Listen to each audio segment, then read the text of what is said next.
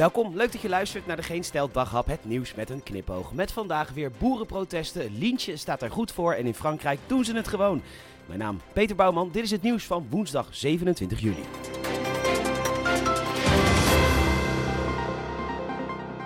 Er waren weer wat boerenprotesten, vooral in het oosten van het land.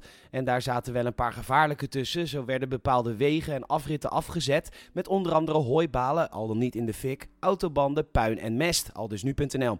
Toch hoeven de boeren boefjes niet te vrezen voor aanhoudingen. Nee, zegt de politie, we kunnen ze toch niet vinden, want, ik quote, er staat geen bordje bij wie het heeft gedaan. Ach, de Nederlandse politie. Godverdomme Vledder, al twaalf afleveringen laat geen dader een bordje achter. Verdammt nogmaal, scheisse Harry, wo is dat bordje? Well, that's the problem. The murderer didn't leave a bordje.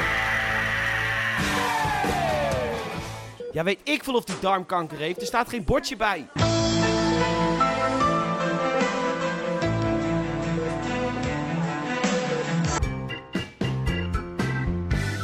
Ondertussen blijft de steun voor de boeren onverminderd groot en dat uit zich in een behoorlijk zetelaantal voor BBB in de peilingen. Dat meldt Peilingwijzer, wat overigens de meest luie peiler is van Nederland, want zij combineren gewoon de peilingen van INO Research, één vandaag en Kantar. Knap gedaan hoor, iemand bij Universiteit Leiden, erg goed.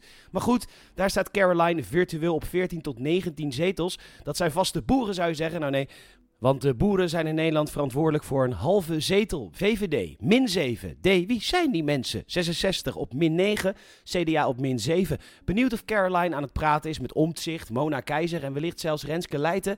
Nieuw elan iemand? AD kopt, in dit populaire vakantieland kost benzine straks 1,50 euro. Ja, Frankrijk, AD, Frankrijk. Ja, lekker al die kliks van mensen die dachten, het zal toch niet Frankrijk zijn? Ja, het is dus... Uh, ja, Frankrijk. Uh, want daar doen ze zoiets als uh, regeren. Dus 30 cent van de accijns uh, is eraf. En Macron dreigde ook de winsten van de oliemaatschappijen, die dus nu echt tafus veel geld binnenharken, extra te belasten, waardoor die maatschappijen hun literprijs met 10 cent hebben afgeprijsd. Waarna je denkt, dat kan dus gewoon. Nou, in Frankrijk dus wel.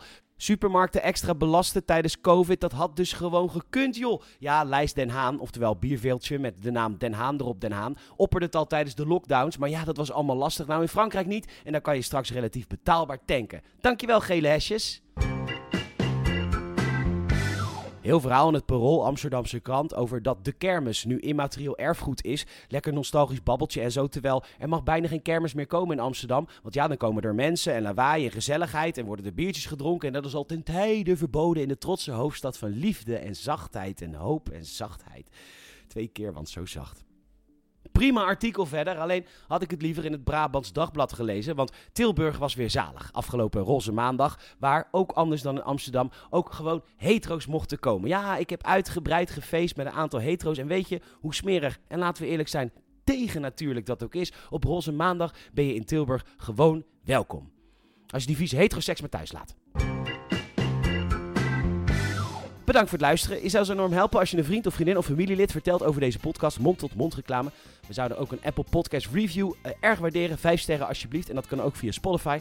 Nogmaals bedankt voor het luisteren en tot morgen.